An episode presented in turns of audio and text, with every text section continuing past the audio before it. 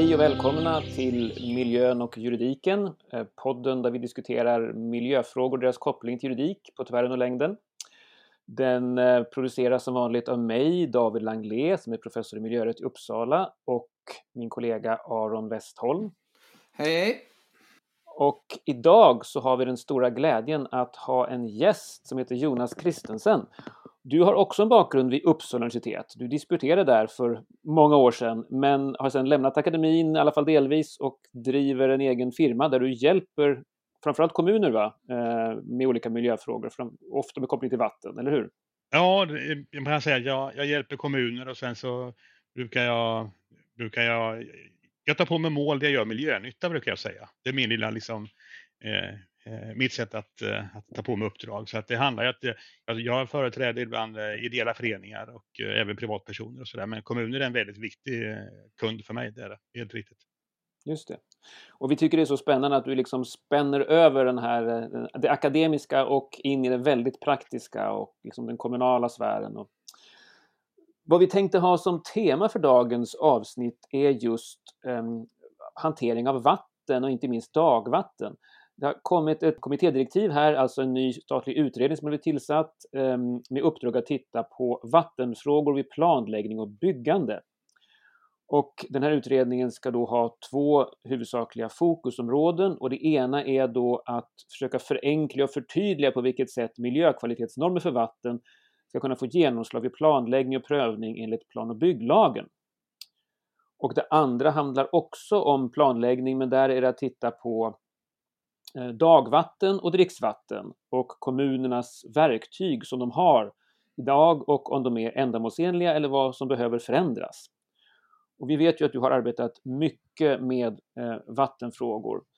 Så vi ser fram emot det här samtalet eh, väldigt mycket. Bara som en liten kort bakgrund kan man ju säga att eh, kommunerna har ju en oerhört viktig roll när det gäller eh, dagvattenhantering på alla möjliga sätt och har ett ganska stort ansvar.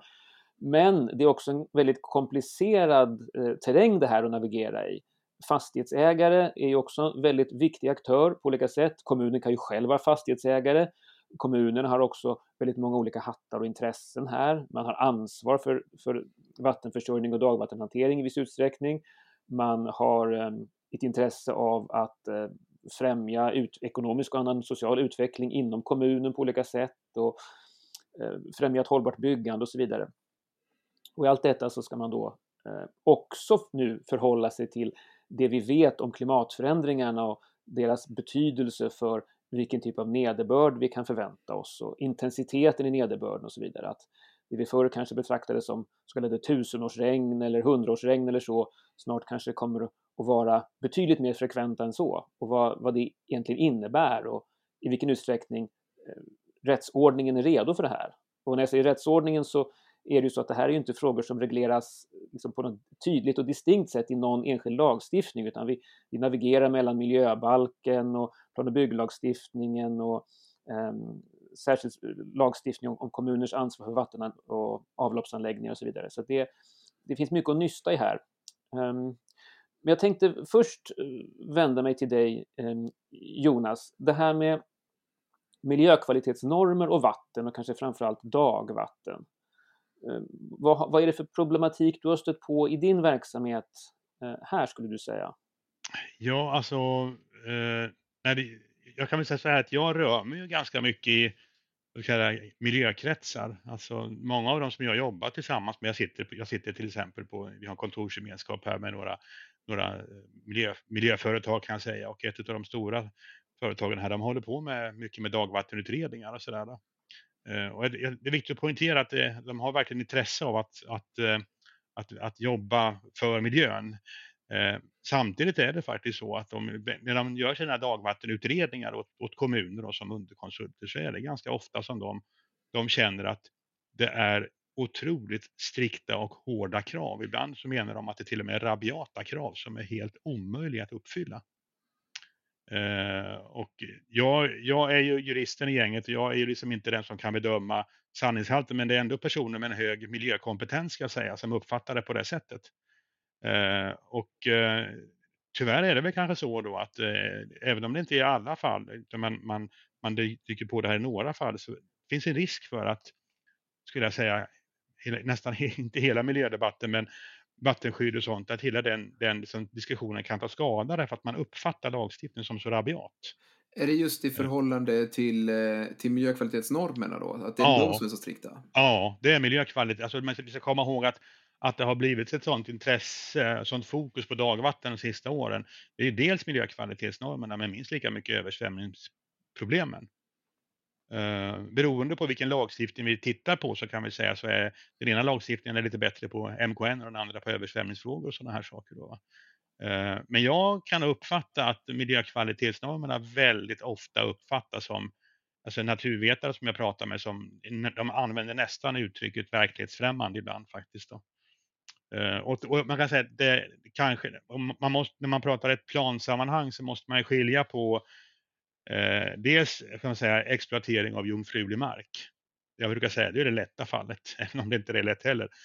Eh, det svåra fallet är ju när man, har, när man ska eh, göra en omexploatering i en redan urban miljö. Jag sitter här, ja, jag, jag tittar rakt ner i Fyrisån på mitt kontor. Jag har faktiskt juridiska institutionens eh, byggnad på andra sidan Fyrisån här. Så att jag, har liksom, jag kan titta rakt ner i vattnet här och, och det är ju en gammal kulturmiljö.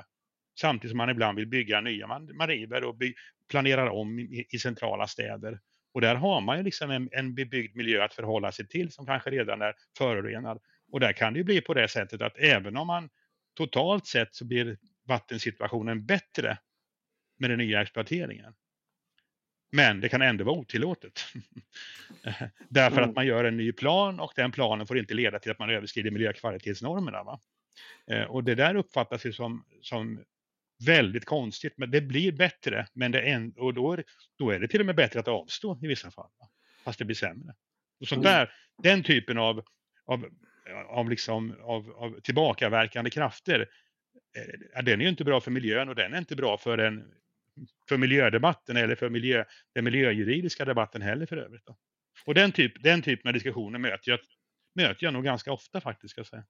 Ja, jag har väl också lite sådana erfarenheter av miljökvalitetsnormer att de ibland kan vara väl strikta men också att de kanske just det att man avgränsar vatten i olika mindre vattenförekomster då som gör att man bara kan mäta påverkan på vissa platser och då inte mm. kan mäta nyttan som en viss åtgärd gör på andra platser. Mm. Jag kan ju också verkligen se att det är ganska problematiskt. Men en annan sak som jag också funderade på med det här kommittédirektivet är ju att de säger eh, man ska utreda då en bättre redovisning av normerna i just i översiktsplaner. Och ja. Min mm. erfarenhet av översiktsplaner är att de det, det, går knappt. Eller helt enkelt, det går ju inte att förstå påverkan särskilt mycket. Nej. Normerna är ett väldigt, ett extremt konkret juridiskt instrument.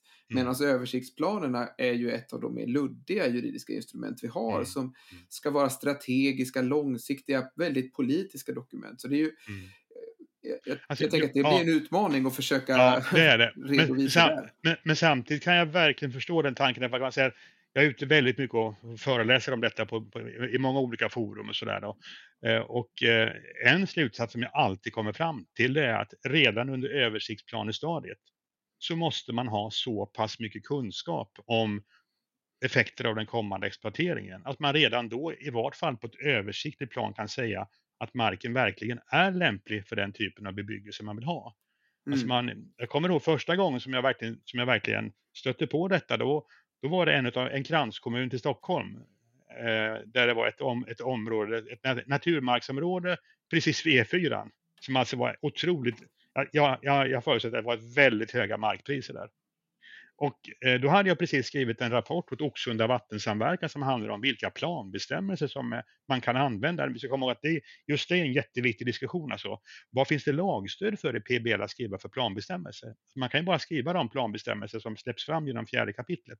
Mm. Eh, och då hade man hamnat i en situation här där man skulle ha ett område som skulle, som skulle exploateras som ett industriområde. Eh, och det var dessutom en vattentäkt. Det var på en ås, en vattentäkt. Ja, och då hade jag blivit, då, då blev jag ombedd att komma med på ett, på ett möte under planprocessen. Det var inte ett offentligt, men det var ett internt möte med kommuner och exploatörer och sådär. Och då var diskussionen, hur kan, vilken typ av planbestämmelser kan vi skriva för att liksom klara av detta då?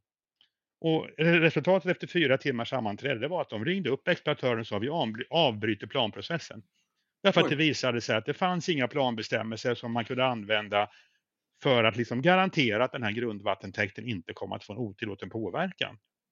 Eh, det kanske inte var explicit MKN, men det var alltså, vattenkvaliteten handlade om ur bland annat dricksvattenperspektiv. Idag ligger den marken 6-7 år tillbaka. Den ligger fortfarande oexploaterad därför att det fanns ingen planbestämmelse. Och då tänker jag så här. Här hade man en översiktsplan markerat det här området som, som en eh, tänkbart för industrilokalisering. En översiktsplan är inte bindande, men den, den, är ju den, den skapar ju förväntningsvärden. Vilket ja. gör att exploatörer köper, exploatörer köper på sig den här marken. Därför att ja, man måste inte följa ÖPIN, men man gör det i de allra flesta fall. Och sen det var först när man kom till övers långt in i övers detaljplaneläggningen, när man skulle börja skriva de, de konkreta planbestämmelserna som, som jag brukar uttrycka det, som skulle rädda en, en dålig översiktsplan. Det var först då som man insåg att nej, marken är inte lämpad för, för någon bebyggelse. Mm.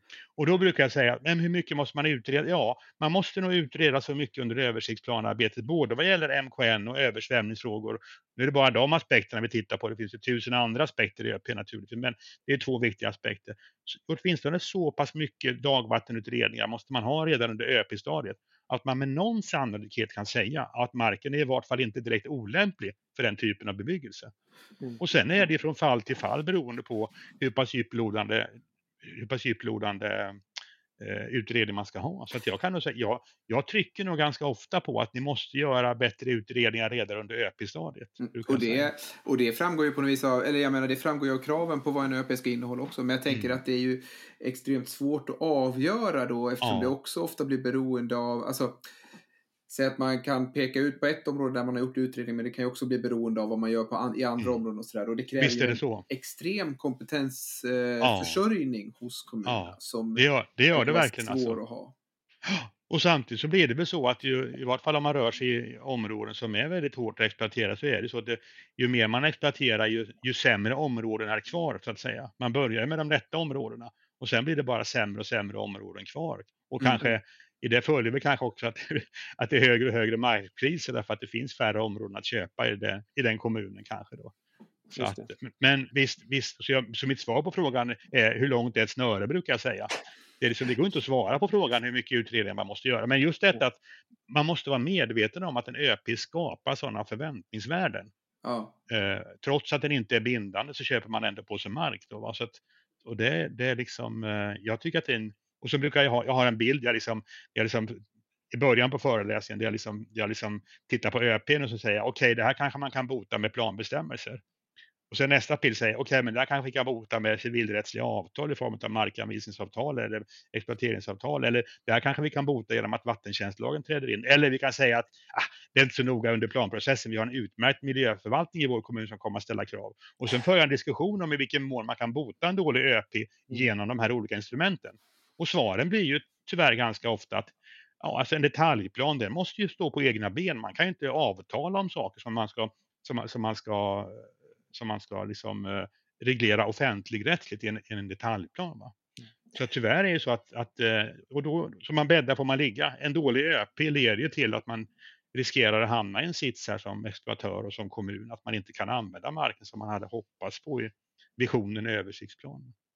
Det här reser ju väldigt spännande frågor tycker jag. Eh, jag menar, I det här specifika fallet du pratar om så kan det mycket väl vara så att marken var helt enkelt olämplig. Det, hade, det, liksom, det mm, fanns inte någon bra sätt att hantera motstående intressen.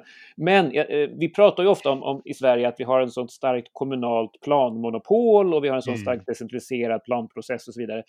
Samtidigt så kan vi se att att kommunen är ju ganska begränsad då i vad den faktiskt får föreskriva och hur man får använda planinstrumentet. Mm. Jag kan tycka att det är slående här man när det gäller estetiska värden så har kommunen väldigt långtgående mandat så att säga. Mm. Men när det gäller väldigt konkreta miljöskyddsfrågor och liksom anpassning till klimatförändringar och så, så, så verkar man vara ganska begränsad helt enkelt.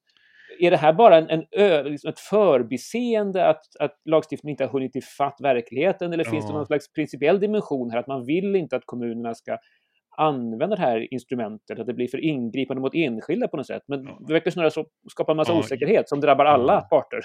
Ja, så jag, tror att, jag, jag, tror att det är en blandning faktiskt. Tittar man, för en, en sex, åtta år sedan var det väl, då gick man igenom PBL och då tittade man väldigt mycket på frågan om översvämningsfrågor. Och då tillskapar man en hel del nya instrument, eh, redovisning i översiktsplanen och möjligheten till planbestämmelser som handlar om att kunna skydda ur ett översvämningsperspektiv. Uh, och, och, och, ungefär samtidigt kom vatten, den, alltså den nya skepnaden kan man säga på vattentjänstlagen. Jag brukar säga då när jag föreläser att, att, uh, att om, ni, om ni tar fram pdf-filen, proppen till vatt, ny vattentjänstlag och så söker ni på klimat, finns inte en träff i proppen. Det var en icke-fråga i vattentjänstlagen, vilket är helt, totalt häpnadsväckande. Alltså. Uh, men tittar man sen i PBL när det gäller möjligheten att reglera miljökvalitetsnormer så kan vi säga så här. Ja, det finns vissa saker i PBL jag tycker att, att man borde kunna om vi nu pratar om planbestämmelser, att man borde kunna reglera. Till exempel att man ska kunna förbjuda kopparfasader på hus med hänsyn till MKN. Det kan man inte göra idag. Va? Men däremot när det kommer till sådana saker där man ibland försöker reglera till exempel hur mycket vatten får flöda ut från planområdet eller hur rent ska vattnet vara som lämnar planområdet. Då tycker jag nog inte så här, alltså, jag tycker nog inte att PBL är rätta platsen att reglera det på därför att det är en miljöskyddsfråga. Och eh, man måste titta, vem är, det som, vem är det som ska följa upp sen att en planbestämmelse följs? Jo, men det är kommunens planenhet, eller ja, bygg, ja, planenhet, PBL-enhet om vi använder det uttrycket. Men de, de, de, alltså de är inte rustade för att, att, att kontrollera vattenkvaliteten. Så jag kan nog säga att att en del är nog kanske förbiseende och bygger på en gammal lagtext och sådär. Men andra är nog, eh, där är inte PBL rätta instrumentet. Men det visar ju bara på hur viktigt det är att man inte bara går in och petar i PBL. Eller bara, alltså man måste titta hela det paketet som handlar om att, att, att försöka få ihop de här olika författningarna så de verkligen liksom, att, de, att deras eh, kopplingen mellan dem, i det här fallet dagvattenfråga, att kopplingen mellan dem blir naturlig. Och, Men, eh, eh Alltså det där illustrerar ju också, alltså dels illustrerar det ju kopplingen mellan lagarna, men jag tänker att en annan fråga som blir mer praktisk är ju att det, det illustrerar också hur den kopplingen också måste finnas i den kommunala administrationen eller i mm. förvaltningen. Då. Att, mm. ja, men om vi har planfrågor som har en väldigt stor miljöpåverkan, då kan vi inte mm. ha enbart en planenhet som sköter tillsynen då kanske. Utan då, alltså att, att vattenfrågor måste, ha, måste samverkas om. Ja, och det ja. handlar väl också den här eh, utredningen är väl tänkt mm. att handla till viss del om det tror jag. Va? Mm. Det finns en fråga som också är en sån där käpphäst. Alltså, i, alltså vi ska komma ihåg att vattentjänstlagen då, den har ju funnits här, eh, som, som företeelse, inte med det namnet, och har funnits sedan 55. Förlåt Jonas, du kanske ska säga, säga någonting om vattentjänstlagen. Jag tror ja. inte den är Nej, men det, alltså, då, jätte... alltså vattentjänstlagen, eller inte egentligen lag om allmänna vattentjänster, ibland säger vi bara LAV dessutom. Det är den lagstiftningen, huvudfrågan för den lagstiftningen det är att den ska besvara frågan när inträder kommunernas ansvar, alltså kommunernas ansvar för att förse oss medborgare med dricksvatten, avleda vårt spillvatten och avleda vårt dagvatten. Det kan man säga, det, det, det är huvudfrågan för den, eh, förlåt, huvudfrågan för den lagstiftningen. Då, va?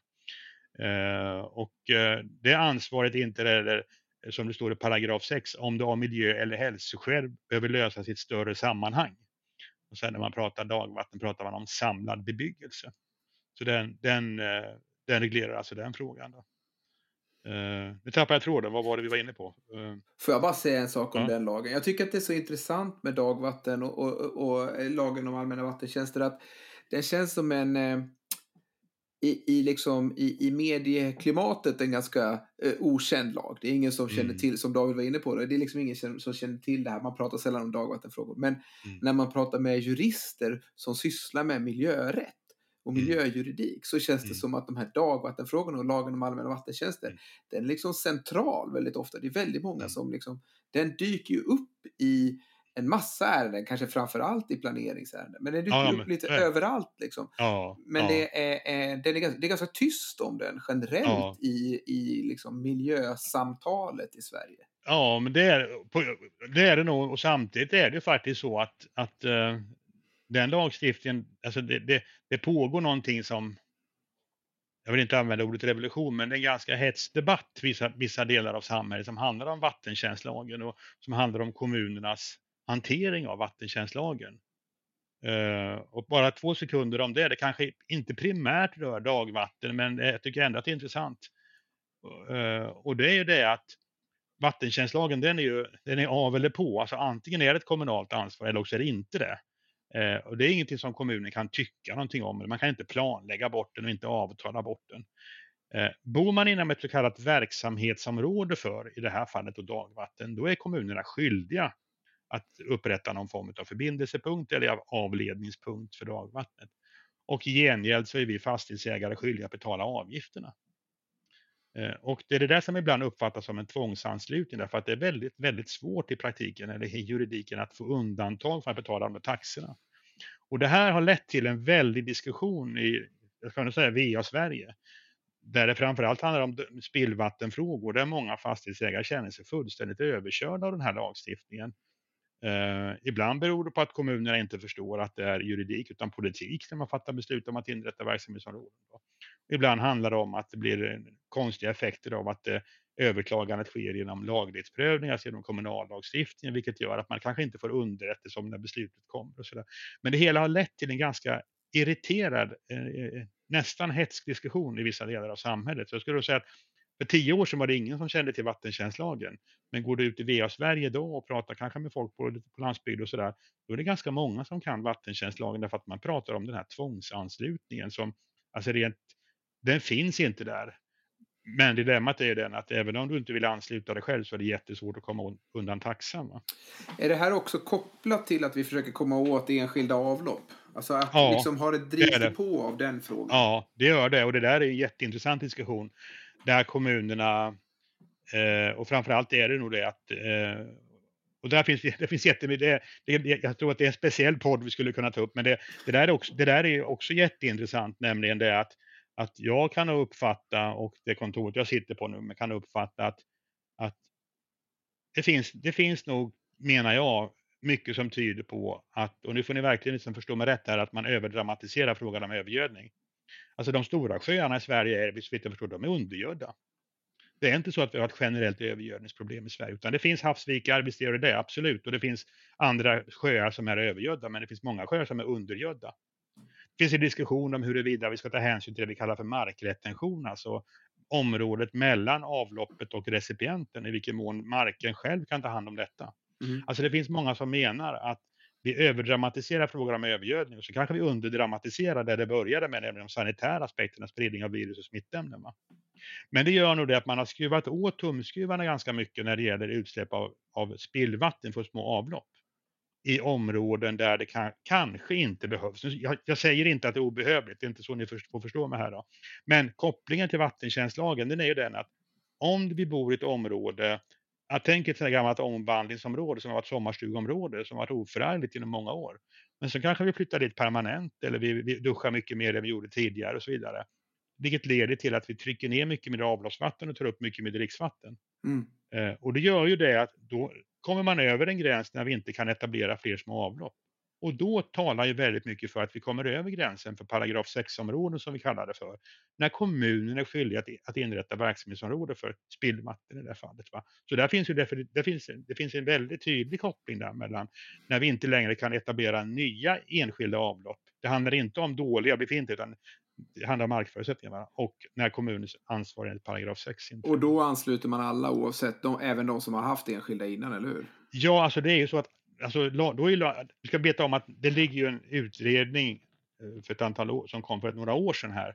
Eh, där man bland annat ska rucka lite grann på paragraf 6 då, men det, jag, jag, vet inte var det ligger nu, det har legat en tre, fyra år då. Eh, men det gör det, det, gör det liksom att så, alltså, vattentjänstlagen är ju egentligen en tvåstegsraket. Eh, först när kommunerna, när kommunfullmäktige fattar beslut om att inrätta ett verksamhetsområde. Och det följer av paragraf 6 när man ska göra det. Det är inte, rätt att, inte alltid rätt att veta, men det, det följer av paragraf 6. Men när kommunfullmäktige väl har fattat beslut om att det här är ett verksamhetsområde, den här geografiska, det här geografiska området, då, då inträder det när VA-huvudmannen är skyldiga att upprätta förbindelsepunkter. Och de är skyldiga till det. De finns inget, ja, det finns små undantag, men huvudsak, de är skyldiga att göra det. Mm.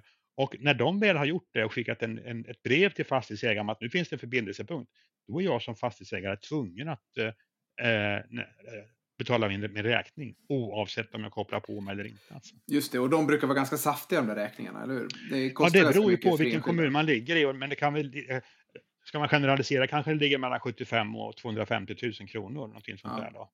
Sen beror det på om det är alla tre vattentjänster eller det bara är bara spillvatten eller bara dricksvatten eller bara dagvatten. Sådär då. Just det. Så det här... får, får jag bara ursäkta, får jag knyta tillbaka till, för det var en, en, vi, vi pratade om planering. Ja. Och, kommunerna, och det där är ju jätteintressant därför att det är ju faktiskt så att det finns ingen bestämmelse någonstans som säger att kommunerna ska ha en samlad VA-planering. När man i utredningen till vattentjänstlag, då föreslog utredningen att det skulle finnas en kommunal VA-plan som var lagstyrd helt enkelt. Men sen när, den kom, när utredningen kom tillbaka till, kom till departementet så strök man den delen. Så att, den, så att idag finns det liksom inget lagkrav på att kommunerna ska ha en samlad VA-planering. Och det tycker jag är jag tycker det är allvarligt. Ehm, eh, men det, det som finns, det är ju åtgärdsprogrammen för MKN där våra vattenmyndigheter säger att kommunerna ska ha en VA-planering, en dagvattenplanering. Men då är det ju kan man säga, bara ur perspektivet miljökvalitetsnormer. Det är ju inte primärt ur perspektivet översvämningsfrågor eller eh, vattenförsörjningsplan. Eh, sen finns det ju liksom eh, Havs och vattenmyndigheten har ju en bra, ett bra dokument som handlar om hur kommunerna bedriver VA-planering. Och Livsmedelsverket pratar om att vi ska ha en dricksvattenplanering och vi ska ha M MSB, Myndigheten för samhällsskydd och beredskap. De har ju lagstiftning som handlar om att vi ska ha en översvämningsberedskap och översvämningskartering och sånt. Så det finns ju liksom, delarna finns ju. Men just detta att kommunen inte är tvungen att ha en samlad VA-planering. Det tycker jag är en, eh, jag tycker det är märkligt. Så rådet man ger då för att komma tillbaka till PBL, rådet man ger då, det är att man, att man väver in det i översiktsplaneringen. Och att man kanske gör ett, ett tematiskt tillägg i översiktsplaneringen. Eller för ett visst område att man gör en fördjupad översiktsplan. Då. Uh, och det gör ju väldigt många kommuner. Men, just det där att det inte finns ett samlat planeringsansvar uh, lagmäst, lagstyrt uh, som handlar om alla perspektiv, det, tyck, det är en begränsning. Ja. Mm.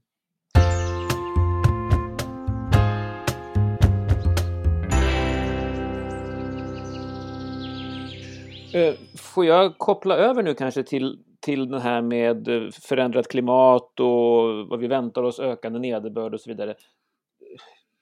Sätter det ytterligare fokus kanske på behovet av att ha ett samlat grepp och en, liksom, mm. en långsiktig planering för att kommunerna ska ha en chans och, och hinna med och, och liksom tänka igenom hur ska vi klara av det här eh, mm. utan att kostnaderna och utmaningarna blir helt överväldigande. Mm. mm. Ja men visst är det så och, och som sagt jag tror ju att det, det, enkla borde ju vara områden som inte är exploaterade. Alltså, alltså där vi har snuddat vid att en grundprincip i PBL, kanske det viktigaste, är att vi ska bedöma markens lämplighet. Bland annat ur perspektivet eh, MKN och översvämningsfrågor. Och jag, om kommunerna sköter sin hemläxa idag så har vi ett bra regelsystem för det. Att det kan vi liksom inte, kan vi, MKN kan man inte visa att man klarar MKN eller översvämningar kan man inte visa att man löser översvämningsfrågan. Då är inte marken lämpad och Länsstyrelsen ska upphäva den. Men det svåra är just att, an, att använda det här i ett, i, ett, i ett, redan exploaterat område där man liksom ska bygga nytt på en tomt eller sådana här, klämma in någonting nytt eller kunna ta hand om ökade vattenmängder utan att vi bygger nytt. Men att kunna ta hand om ökade vattenmängder i ett redan exploaterat område som kanske till och med är en gammal kulturstad som jag, tyckte, eh, jag såg på något sånt eh, webbinarium som Boverket hade om det här med mm. översvämningsnivåer. Som jag tyckte, där de, hade, de tog exemplet om Malmö. Där jag tyckte det var ganska intressant att de helt enkelt, där inrättar man ytor som man kan offra. man ska, ja, liksom, Där man säger att ja, men vissa vägar vi får stå ut med att de blir översvämmade ja, ibland. Ja, det kanske det, och, sker skador precis, på bilar, men ja, det är billigare än om det sker på fastigheter. Och ja, och det, det är så. Och där har ju Boverket, alltså jag tycker att eh, och det vill jag verkligen lyfta fram. Jag tycker att Boverket de sista fem, sex åren, de, jag tycker att de verkligen har, de gör ett bra jobb alltså. Eh, jättebra vägledning på deras eh, frågebanken, på deras hemsida och bra diskussioner och sånt där. Så att, så att, och det, är ju, så är, det finns ju många kommuner som jobbar på det sättet att hur gör man då för att planera för de här stora regnen? Då? Ja, en yta som idag är en fotbollsplan på sommaren, den kanske man vallar in och så gör man den till ett fördröjningsmagasin. Mm. Då kan man spela inte fotboll om det ösregnar. Eller man sänker ner en väg, kanske en halv meter eller lite, eller skapar vallar runt det och så låter man vattnet avrinna längs med de här vägarna istället för att och precis det du säger, alltså att eh, där rinner vattnet bort fort och det stör, ja bilarna som finns på gatan blir förstörda kanske men det är ju inte så att fastigheter blir förstörda. Och det finns det många kommuner som gör ett bra jobb och som, som är förutseende. Men, det bygg, men, då, men då, som vi sa här, det bygger också på att kommunens olika delar kan samarbeta. Ja. Det handlar om att gatu, gatu, kommunens gatusektioner, vad vi kallar det för, gatuavdelning, gatu, att de är beredda att delta i detta och det handlar om ett planläggnings, en planläggningsfråga att kunna genom PBL och detaljplaner och höjdsättning och sånt kanske reglera man skapar avrinningsstråk och sånt här. Då. Jag tyckte också, en grej som jag tycker är intressant i det här blir ju liksom Ja, men det är den här kostnaden då som kommunen drar på sig eller måste dra på sig för att ta hand om dagvattnet. Att, ja, Malmö tog något exempel att för att kunna ta hand om ett, vad de kallar för, jag minns, vill minnas att det var ett hundraårsregn kanske, mm. så mm. skulle de behöva bygga Rör, bara rörmaterialet skulle kräva så mycket rör så att de skulle kunna bygga från Malmö typ till Rom i, mm. i liksom rörmängd. Och det är så mm. orimliga kostnader då. Mm. Och så säger de så här, ja, men det är, och det är för ett regn som kanske kommer var hundrade år. Och de pratar ja. om samma i jag tycker det finns något intressant här då i vad vi kallar för, som David var inne på, ett hundraårsregn. Det kan ju förändras nu över tid. Och de, i kommitté, kommittédirektivet pratar de om samma sak. Att så här, det framgår inte tydligt av lagen vem som ansvarar för att leda bort dagvatten vid onormala flöden som mm. till följd av klimatförändringarna. Men det kan ju också vara så att vi nu måste ändra vår definition av vad som är ett onormalt flöde. Alltså mm. ett... ett och det, ja. och det, precis, och det där är en annan sån där som Eh, Eh, om, om, jag brukar måla upp en bild, alltså där man tittar på liksom olika typer av ansvar och dagvatten. Och först, först är det så att vem är det som ansvarar för att dagvatten avleds? Ja, primärt är det ju vi fastighetsägare. Det är en enskildes ansvar att ta bort detta. Sen, vi, sen så har vi vattentjänstlagen eh, och då har lagstiftaren sagt att när det gäller, hu, när det gäller hushållsspillvatten så är kommunen skyldig att avleda just normalt hushållsspillvatten, inte jättesmutsigt industrispillvatten och inte att tömma liksom våran simbassäng utan det är, det är detta. Och det är normalt dricksvatten av dricksvattenkvalitet, livsmedelslagstiftningen.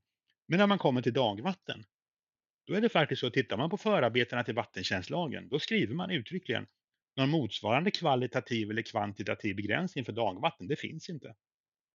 Jaha, alltså, det, läser man lagtext och förarbete bara rakt av, då innebär det att då är kommunernas VA-huvudmän, de är ansvariga för ett tusenårsregnet, 1500-årsregnet, mm. vilket naturligtvis är fullständigt orealistiskt. Vad gör vi då? Ja, eh, Svenskt Vatten gör ett jättebra arbete, alltså de tar ju fram sina publikationer, det som så småningom kommer att bli branschstandard. Men jag, det jag tycker är märkligt är ju det att, att inte lagstiftaren sätter ner foten därför att det bygger ju på, och då har man än så länge gått in dels skadeståndsvägen, från och med vilket regn är VA-huvudman skyldig om jag får vatten i min källare och än så länge pratar vi om ett tioårsregn. I den senaste publikationen nu så pratar man om 10 eller 20 års regn beroende på hur det, alltså vilken typ av bebyggelse vi har. Och där säger Svenskt Vatten, är det i vart fall över ett 20-årsregn, då är det inte VA-huvudmannens ansvar. Ja, och vems ansvar är det då? Ja, då, då, då har vi gått över från vattentjänstlagen till att PBL-planlägga bort det som jag säger. Ja. Då måste vi skapa avrinningsvägar och så vidare. Då. Men för vilket regn då? Ja, då för Svenskt Vatten en diskussion om att beroende på vilken typ av område så kan det vara antingen ett 100-årsregn eller ett 200-årsregn. Beroende på situationen. Men kom ihåg, det här är ju en branschorganisations bedömningar, om än kloka. Ja. Eh, men det är en branschorganisation som, och så småningom kommer det säkert att bli liksom praxis på detta då. Men det innebär det, och då har vi kommit över till, och sen någonstans däremellan så blir lagen av skydd mot olyckor applicerbar. Därför att regn i stora mängder, det är en olycka. Och då måste vi också planlägga det med form av översvämningskarteringar och grejer. Och sen kan vi säga att, och någonstans där så kommer det också att övergå till det privata fastighetsägaren därför att kommer en översvämning och det är inte huvudmannen som får betala skadestånd, ja då blir det jag och min hemförsäkring som får stå för detta. Ja.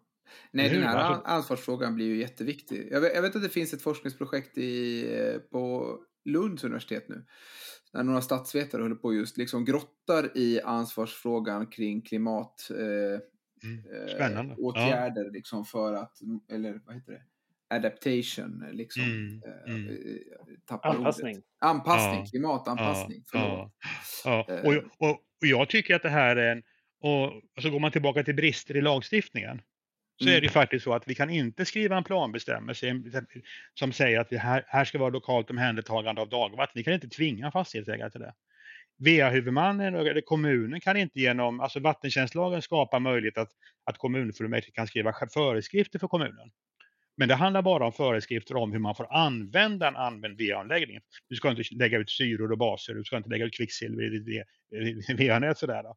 Men du kan inte liksom i ett ABVA som det heter föreskriva vilken teknik man ska ha. Så VA-huvudmannen kan inte föreskriva, eller kommunfullmäktige kan inte föreskriva att med stödet av vattentjänstlagen måste alla vi fastighetsägare bidra till att fördröja flöden. Nej. Och det där tycker jag är en sån där viktig fråga. Jag menar att där finns ett hålrum i lagstiftningen. Jag tycker ju, självklart är det så att även vi fastighetsägare måste ha ett ansvar för att vi så mycket som möjligt, alltså ett, ett, ett centralt problem är att ju mer vi hårdgör ytor, ju mer vi asfalterar våra, upp, våra liksom uppfarter till våra villor, ju fortare rinner vattnet av. Man pratar om avrinningskoefficienter och så vidare. Då.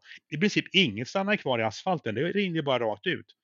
Ju mer, mindre hårdgjorda ytor vi har, ju mindre liksom lerlager vi har, ju mer sjunker det ner i backen och ju mindre blir flödena totalt sett. Va? Och det där är en sån där fråga som jag menar att det måste man verkligen se över, hur vi alla som är från det att regnet kommer på mitt hustak eller till recipienten, så måste vi alla vara med att ta konsekvenserna av en klimatförändring. Och vi mm. måste kunna ställa krav även på oss enskilda fastighetsägare till viss del. Här har ju lagstiftaren en, eh, på något vis en pedagogisk utmaning i att få folk att gå med på det.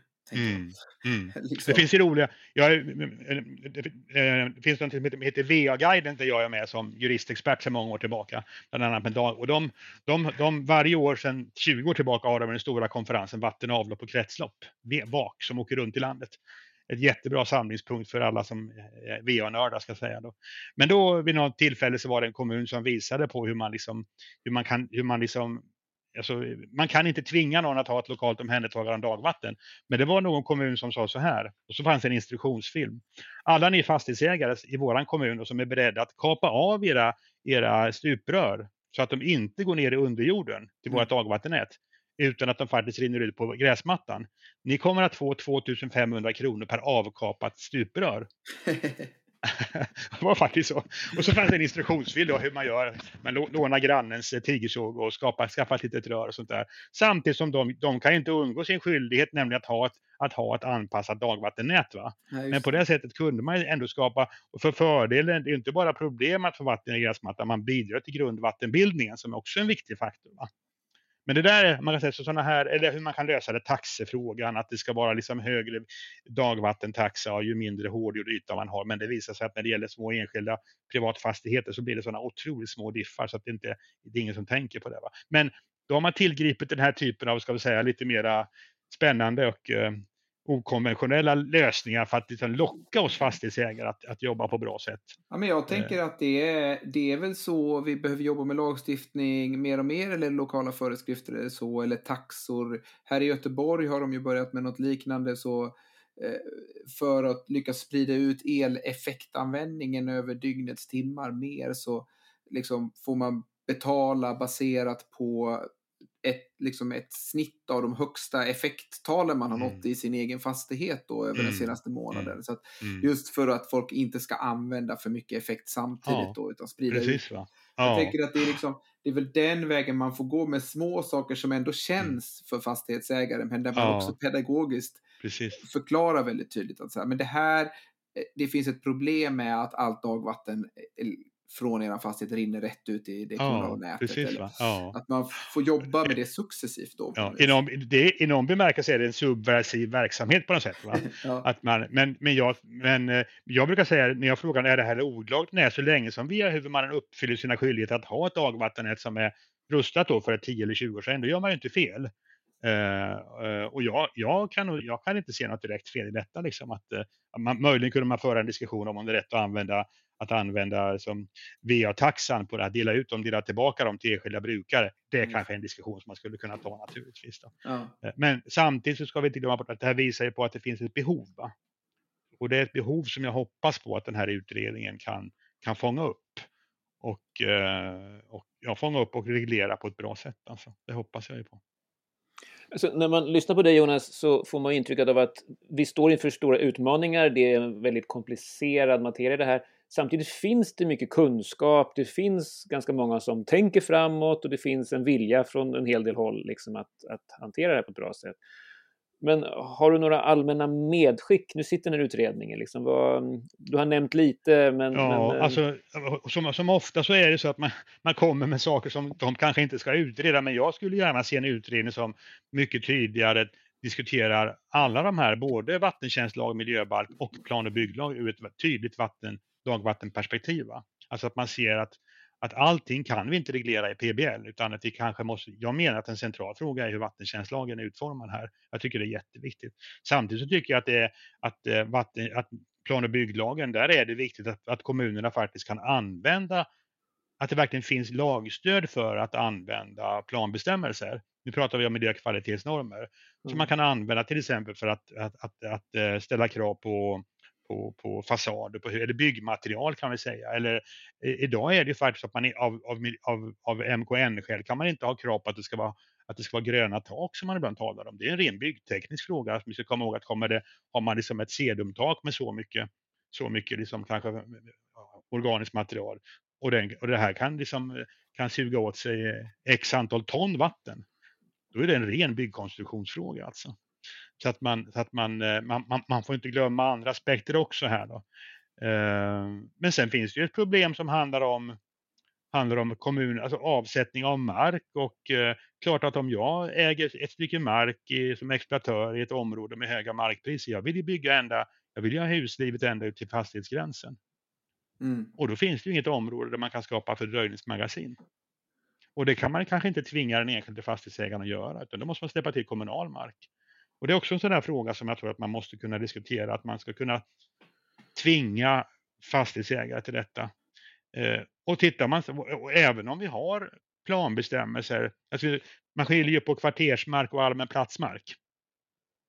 Allmän platsmark kan man säga, då, då är det kommunerna som är huvudmän för de platserna, inte via huvudmän men ansvarar för att de här platserna byggs på det sättet som exploateringen är tänkt i PBL och planerna. Sådär då. Eh, Eh, men när vi har planbestämmelser, anta att man på kvartersmark eh, har avsatt ett mark, avsätter en, ett stycke mark lämplig för en, en dagvattenanläggning, ett fördröjningsmagasin eller rening. Sådär.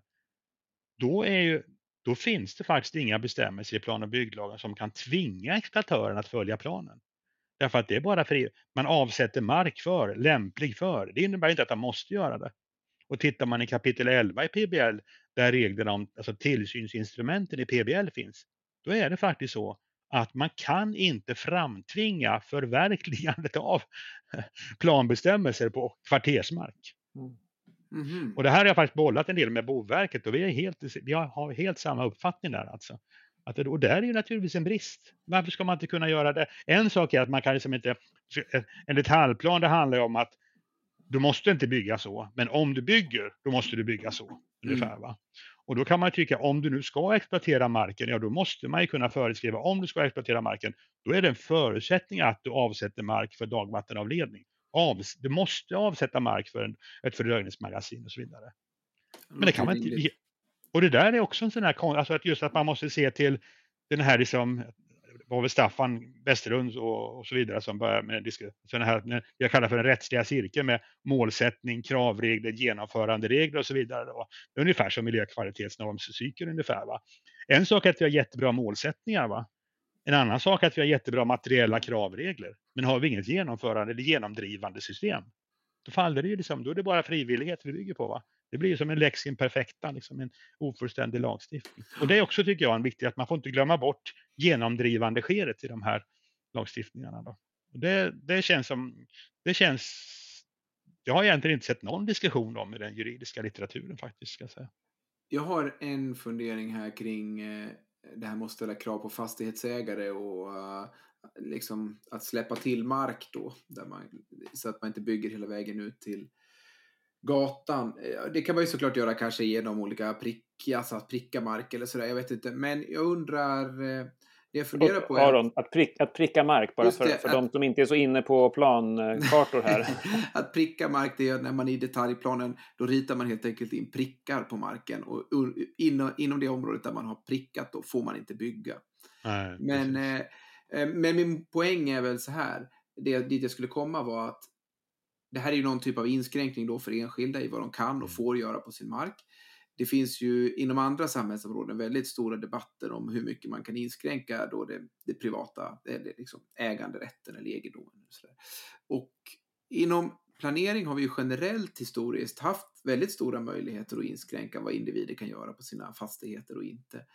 Men kan man se att liksom skulle det vara lätt tror du att genomföra det här nu eller är samhällsklimatet ett annat så att det skulle vara svårare att införa mer inskränkningar i vad enskilda kan göra på sin mark eller inte? Mm. Ja, det är ju en, alltså det, det blir någonstans en ideologisk fråga naturligtvis. Det gör jag, menar, juridik är frusen politik brukar jag säga. Och det är verkligen, det, blir en, det här det är en ideologisk fråga om som äganderätt och sådana här saker. Då. Men, man, men, man, men, samtidigt får man ju komma ihåg det liksom att alltså om mark, eh, jag är förvånad över hur ofta man kanske inte inser att all mark inte är lämpad för all bebyggelse. Nej. Ibland när man säger det, ja vad bra att någon säger det, hör man liksom folk säga, ja men det är väl en självklarhet liksom att det är det PBL handlar om, att mark ska vara lämpad för bebyggelse. Mm. Och, och, effekten av att man inte kan liksom rädda en översiktsplan på det sättet som jag beskrev tidigare då, att det går inte att använda markanvisningsavtal eller vi har inga planbestämmelser, ja men det är att marken kanske inte är lämpad för bebyggelse. Och det är det som markägaren kanske egentligen skulle drabbas av då. Ja. Om du inte går med på att fixa den här dagvattenanläggningen, då kan inte vi med gott samvete säga att marken är lämpad för bebyggelse på det sätt som lagstiftaren har tänkt. Och jag menar att man måste vara mer tydlig med det, för att min upplevelse är när jag är ute och pratar om det här bland kommuner och jag säger så här, liksom att all mark inte är lämpad för bebyggelse. Ungefär, åh fan, är det så det är ungefär? Liksom? Alltså många, om jag ska vara elak här, och här drar jag faktiskt en del paralleller med diskussioner om om, om, eh, om Cementa och sådana där saker. Liksom att bara för att man drar igång en planprocess är inte marken lämpad för bebyggelse per se. Va? Det blir ju inte det. Utan det är, det, det är precis det man ska pröva på samma sätt som att man prövar om industrin får finnas på platsen. Bara för att man börjar med miljöprövningsprocess innebär inte att, att anläggningen per definition ska få finnas där. Va? Det är en prövning. Nej. Och det och där det, tycker jag är viktigt att lyfta fram. Alltså. Och det är väldigt sant, alltså att om man använder sig, om man går den vägen för att komma åt eh, eller för att förhindra eller begränsa byggande så blir det väldigt mycket tydligare då för den enskilda. Mm. Men min mm. tanke är också att det är lättare att göra inskränkningar för enskilda inom ramen för PBL än vad det är inom ramen för andra eh, mm. lagstiftningar just mm. för att PBL eh, har, liksom, vi är så vana vid PBL och det här är en förväntan mm. att vi vet, alla vet att jag måste söka bygglov till exempel och bygglov är svårt att få, det är knöligt och det är konstiga regler som jag inte kan förhålla mig till eller som jag inte förstår. Så här finns det liksom en, en mycket större förväntan och kanske acceptans då för inskränkningar. Ja, och jag, och, och jag tror att det handlar mycket om pedagogik också. Alltså folk blir mer och mer medvetna om att Alltså det handlar ju inte om att vi ska jävlas, det handlar ju bara om att om, om vi släpper fram din, din, din, din villa på den här marken, då kan det tyvärr vara så att den översvämmas av 15 år och då kommer du tillbaka till oss på kommunen och du är inte glad, det kan jag säga. Nej. Alltså att folk man faktiskt måste förstå att det är, ja, det är för din egen skull. Vi kan inte då, alltså, jo, vi kan då för att det regnar mycket därför att vi alla bidrar till klimateffekten, men, men liksom det, det är en följd och nu, nu måste vi anpassa oss till detta. Och eh, det handlar om, och jag blir ju arg och ledsen när man ser eh, kommunala företrädare som står i tv-rutan och nästan stolta över att man har gamla byggnadsplaner kvar. Ja, vi kan ge bygglov där därför att eh, de gäller fortfarande. De tänker vi inte upphäva trots att det bara är två meter ifrån, ifrån, havs, ifrån havet. Liksom. Alltså det säger man i, liksom i, i kontrast till när man är arg på att Länsstyrelsen upphäver en detaljplan därför att man inte har klarat av översvämningskravet och så vidare. Ja, vi har faktiskt kvar gamla plan. Alltså, jag tycker att det är ett... Eh, jag tycker det, det händer inte så ofta, men de gångerna man ser så blir man alltid lika upprörd. Jag, jag, jag tycker det är helt ansvarslöst ja. att, att agera på det sättet. Alltså. Ja. Vet ni, det här med frågor om äganderätten och synen på den kontra miljöskydd och andra allmänintressen, det är ju en jättestor fråga, en jättespännande fråga och vi, det finns många spännande paralleller att dra med, med bland annat skogsdebatten som pågår just nu. Um, men jag tror att vi måste nog börja av, eller vi måste inte börja, utan vi behöver avrunda helt enkelt. För vi har hållit på ganska länge nu, det har varit så spännande. Ja, verkligen.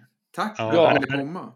Ja, men det här, alltså jag, jag ska, bara säga det att första gången som jag dök på begreppet dagvatten, det var när jag jobbade på miljökontoret här i stan i Uppsala. Eh, när kan det här ha varit? 2004 kanske? Då var det några handläggare som, som frågade mig, knackade mig på axeln. Jonas, du, vi har en dagvattengrupp med Stockholms miljöförvaltning. Eh, vi har ett samarbete. Kan inte du komma och snacka dagvatten med oss? Så tänkte jag, hur svårt kan det vara på en skala? Tänkte jag. Liksom. Klart jag gör det liksom. Och alltså den enda, den enda, enda material som jag hittade då, det var en en och en halv bra ska säga, A4 Kina och Kerstin Rosén Nilsson som jag tror jobbade på Länsstyrelsen, Naturvårdsverket då. Hon hade tagit upp någonting. Det var en bra liksom, det var en och en halv A4 och föga skulle jag ana då att jag liksom tio år senare nästan skulle leva på dagvattenjuridik.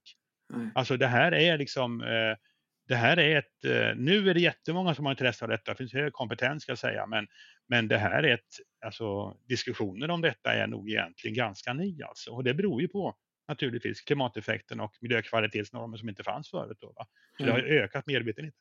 Jättespännande. Det finns möjligheter till en helt, helt ny spin-off här. Dagvattenpodden kanske blir ett nästa... Ja, Ja, eller, alltså, faktum är att, eh, jag ska säga, jag får göra lite reklam för era, det är inte konkurrenter, men just VA, VA-guiden, de har en VA-podd. Ja, Eh, Ja. och de, VA-guiden håller ju på med dagvatten, spillvatten, dricksvatten och så vidare. Så de är, de är också väldigt duktiga. Och det är faktiskt ett allmänt tips. Där finns det väldigt mycket bra kompetens. Och vi är några, jag, jag är inte enda juristen, vi är, vi är några stycken jurister som är med. Och sen finns det även liksom eh, expertsvarare på diverse olika, det är eh, dagvattenkurser och VA-kurser, alla möjliga saker. VA-guiden har funnits i alltså, snart 15 år alltså. Mm. Eh, och, och där, så jag, det är också ett sån här som man kan säga som ett bevis för att det är en fråga som har vaknat till liv faktiskt de sista åren. Det är det. verkligen. Mm. Jättespännande. Tack, tack för tipset också. Och med det så får jag tacka dig Jonas så hemskt mycket för att du Mm. tog dig tid och delade med dig dina erfarenheter och tankar. Mycket spännande. Verkligen. Eh, Och Ja, tack ska ni ha alltså. Det, det här är jättekul och det, jag säger det, det är ganska sällan jag diskuterar det här med andra jurister. Så jag tycker att för mig, jag är, liksom, jag är jätteglad att hitta andra jur- jurister som tycker det här är kul. Liksom. Härligt. Ja. Ja. Ja, Och vi säger tack så hemskt mycket till er som har lyssnat. Hoppas ni uppskattade dagens avsnitt som var nummer tre i ordningen. Vi kommer tillbaka med ett nytt avsnitt någon gång i början på det nya året. Vi lovar inget exakt, men eh, vi har många spännande idéer och uppslag. det har vi. Tack så hemskt mycket. Tack så jättemycket. Ha det fint. Tack ska ni ha. Hej då. Hej. Hej då. Hej.